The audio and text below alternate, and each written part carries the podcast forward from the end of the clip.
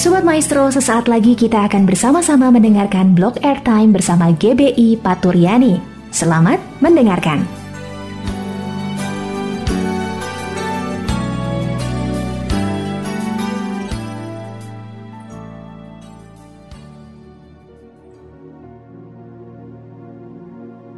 Shalom, sahabat maestro yang dikasih Tuhan. Kita berjumpa lagi dalam suara Paturiani dan saat ini ditemani oleh saya Yopi.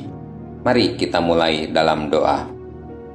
Bapa kami di dalam kerajaan surga, kami mengucap syukur untuk kesempatan sore ini di mana kami boleh mendengarkan suara Paturiani. Beri kami mengerti dan mendapat berkat melalui firman-Mu. Terima kasih Bapa, di dalam nama Tuhan Yesus kami berdoa dan mengucap syukur. Haleluya. Amin. Saudaraku yang kekasih di dalam Tuhan, suatu hari seorang ibu berdiri di muka pintu rumahnya. Nampak mukanya sangat resah dan tampak dari jauh kelihatan suaminya datang pulang dari tempat kerja. Ketika tiba di muka pintu, Papa bertanya, "Mama, ada apa?" Mukamu nampak resah dan khawatir sekali seperti ini. Mama menjawab dengan penuh kekhawatiran, sudah jam segini Yohanes anak bungsu kita belum kembali dari sekolah. Padahal ini sudah pukul setengah enam. Biasanya pukul dua Yohanes sudah pulang dan tidak ada kabar sama sekali. Hari ini HP-nya tertinggal di rumah, sehingga mama tidak dapat menghubunginya. Lalu papa kembali bertanya, Johan si sulung mana? Mama menjawab, Johan sedang memperbaiki sepedanya di belakang. Lalu Jenis, si cantik anak kita yang kedua mana?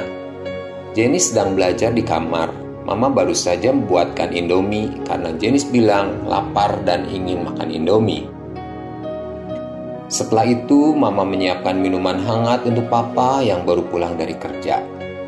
Lalu mama kembali ke muka pintu untuk menanti Yohanes anaknya yang bungsu yang belum datang juga sampai saat ini. Setiap hari suaminya selalu menanyakan hal yang sama saat pulang kerja. Dan mama selalu menjawab dengan penuh perhatian. Mama selalu mengetahui dan memperhatikan bagaimana keadaan anak-anaknya setiap saat. Sahabat maestro yang dikasihi Tuhan, Cerita ini berlanjut 15 tahun kemudian. Papa pulang ke rumah dan tidak melihat mama menyambut di muka pintu. Papa bertanya kepada Johan, "Mama mana?" Johan hanya mengangkat bahu tanpa melihat kepada papanya sambil terus sibuk dengan HP-nya.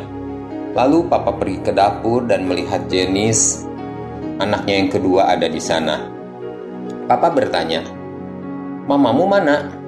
Jenis menjawab, Tak tahulah, kan aku bukan pengasuhnya. Kemudian papa ketemu Yohanes dan kembali papa bertanya, Apakah kamu juga tidak tahu ke mana mamamu pergi? Sambil menggelengkan kepala dan membuka tangan lebar-lebar, tanda tidak tahu ke mana mamahnya pergi. Lalu papa pergi ke muka pintu dan matanya menatap jauh ke depan. Ada kekhawatiran yang mendalam di dalam hatinya karena tidak tahu ke mana istrinya itu pergi. Papa khawatir kepada mama karena papa tahu bahwa kesehatan istrinya saat ini tidak sesehat dulu lagi karena saat ini istrinya mulai sakit-sakitan. Papa meneteskan air mata melihat anak-anaknya yang tidak peduli lagi kepada ibunya. Padahal dahulu ketika anak-anak masih belum dewasa, Mama begitu memberikan perhatian kepada setiap anak-anaknya dan Mama akan menjadi sangat khawatir apabila anak-anaknya sakit atau tidak pulang sesuai dengan jadwal. Namun apa yang terjadi saat ini ketika anak-anaknya tidak ada satupun yang memperhatikan keadaan mamanya. Bahkan tidak peduli mamanya ada di mana dan pergi ke mana. Saudaraku yang kekasih di dalam Tuhan, kejadian di atas bukanlah hanya sebuah cerita, namun sungguh-sungguh banyak terjadi saat ini. Banyak orang tua yang merasa sebagai orang asing, padahal ia tinggal di rumahnya sendiri. Apa sebab anak-anaknya yang sudah dewasa jarang menyapanya lagi? Mungkin karena sibuk, pagi-pagi pergi ke tempat kerja. Sepertinya tidak ada waktu lagi untuk berkata kepada mama papa, "Mama papa, aku pergi kerja dulu ya, tolong doakan aku. Atau sore hari ketika pulang kerja, kembali ke rumah, terus masuk kamar. Mungkin karena sudah lelah, sehingga tidak ada kata lagi, "Mama, Papa, aku sudah pulang kerja." Kalaupun hari libur, mereka tidak lagi berkumpul di rumah atau piknik dengan mama papanya. Mereka lebih suka berkumpul dengan teman-temannya. Saudaraku yang kekasih, sore ini firman Tuhan akan mengingatkan kita semua, khususnya yang masih memiliki orang tua. Mari kita hargai dan hormati orang tua kita. Efesus 6 ayat 1 sampai 3 berbunyi, "Hai anak-anak, taatilah orang tuamu di dalam Tuhan."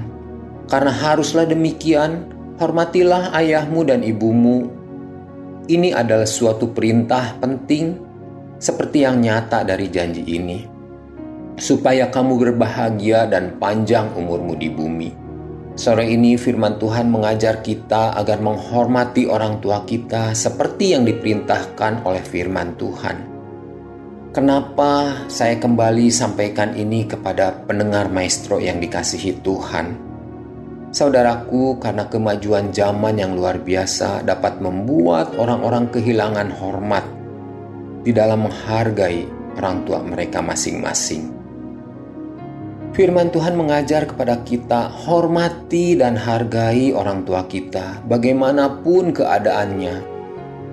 Jangan kita membuang mereka pada masa tuanya, mama, papa kita yang sudah berjasa membesarkan kita Menghormati dan mengasihi orang tua adalah perintah penting dari firman Tuhan. Firman Tuhan katakan, bila kita melakukan semuanya itu, maka hidup kita akan berbahagia dan umur kita akan menjadi panjang di muka bumi ini. Sahabat maestro yang dikasih Tuhan, berbahagialah bila saat ini orang tua saudara masih hidup dan ada di tengah-tengah saudara. Berbaktilah kepada mama papamu, karena bila mama papamu sudah meninggal, batu nisan yang indah pun yang saudara buat tidak ada gunanya bagi mereka. Namun, sering saya mendengar, saya tidak bisa mengasihi dan menghormati orang tua saya karena saya adalah anak yang ditelantarkan oleh mama dan papa saya. Saya adalah anak yang tidak diinginkannya. Saudaraku yang kekasih, sejahat apa pun orang tuamu, firman Tuhan tetap adalah firman Tuhan yang harus kita jalankan.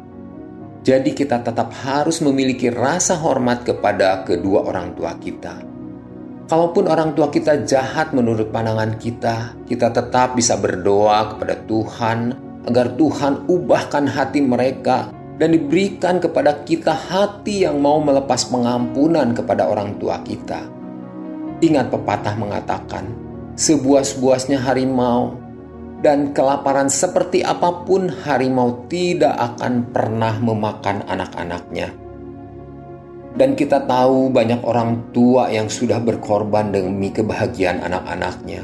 Tentu itu semua akan menjadi teladan yang baik bagi anak-anaknya.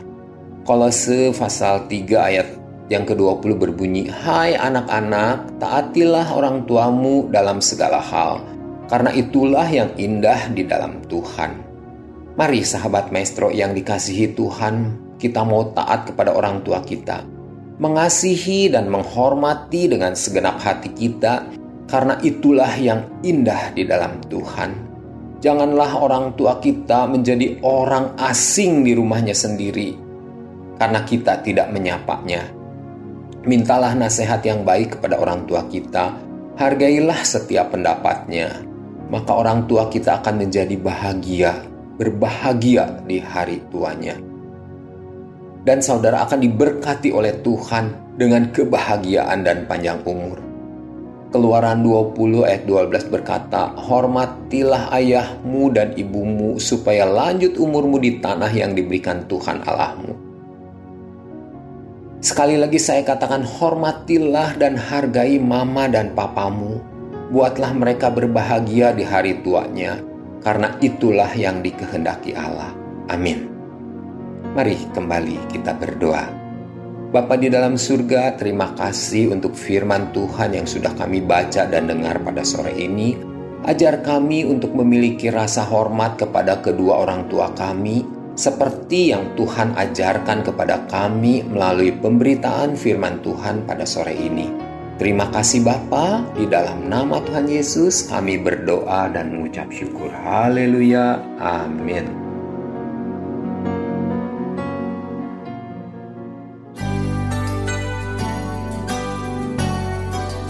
Sobat Maestro, kita baru saja mendengarkan blog airtime bersama dengan GBI Paturyani. Terima kasih atas kebersamaan Anda. Tuhan Yesus memberkati.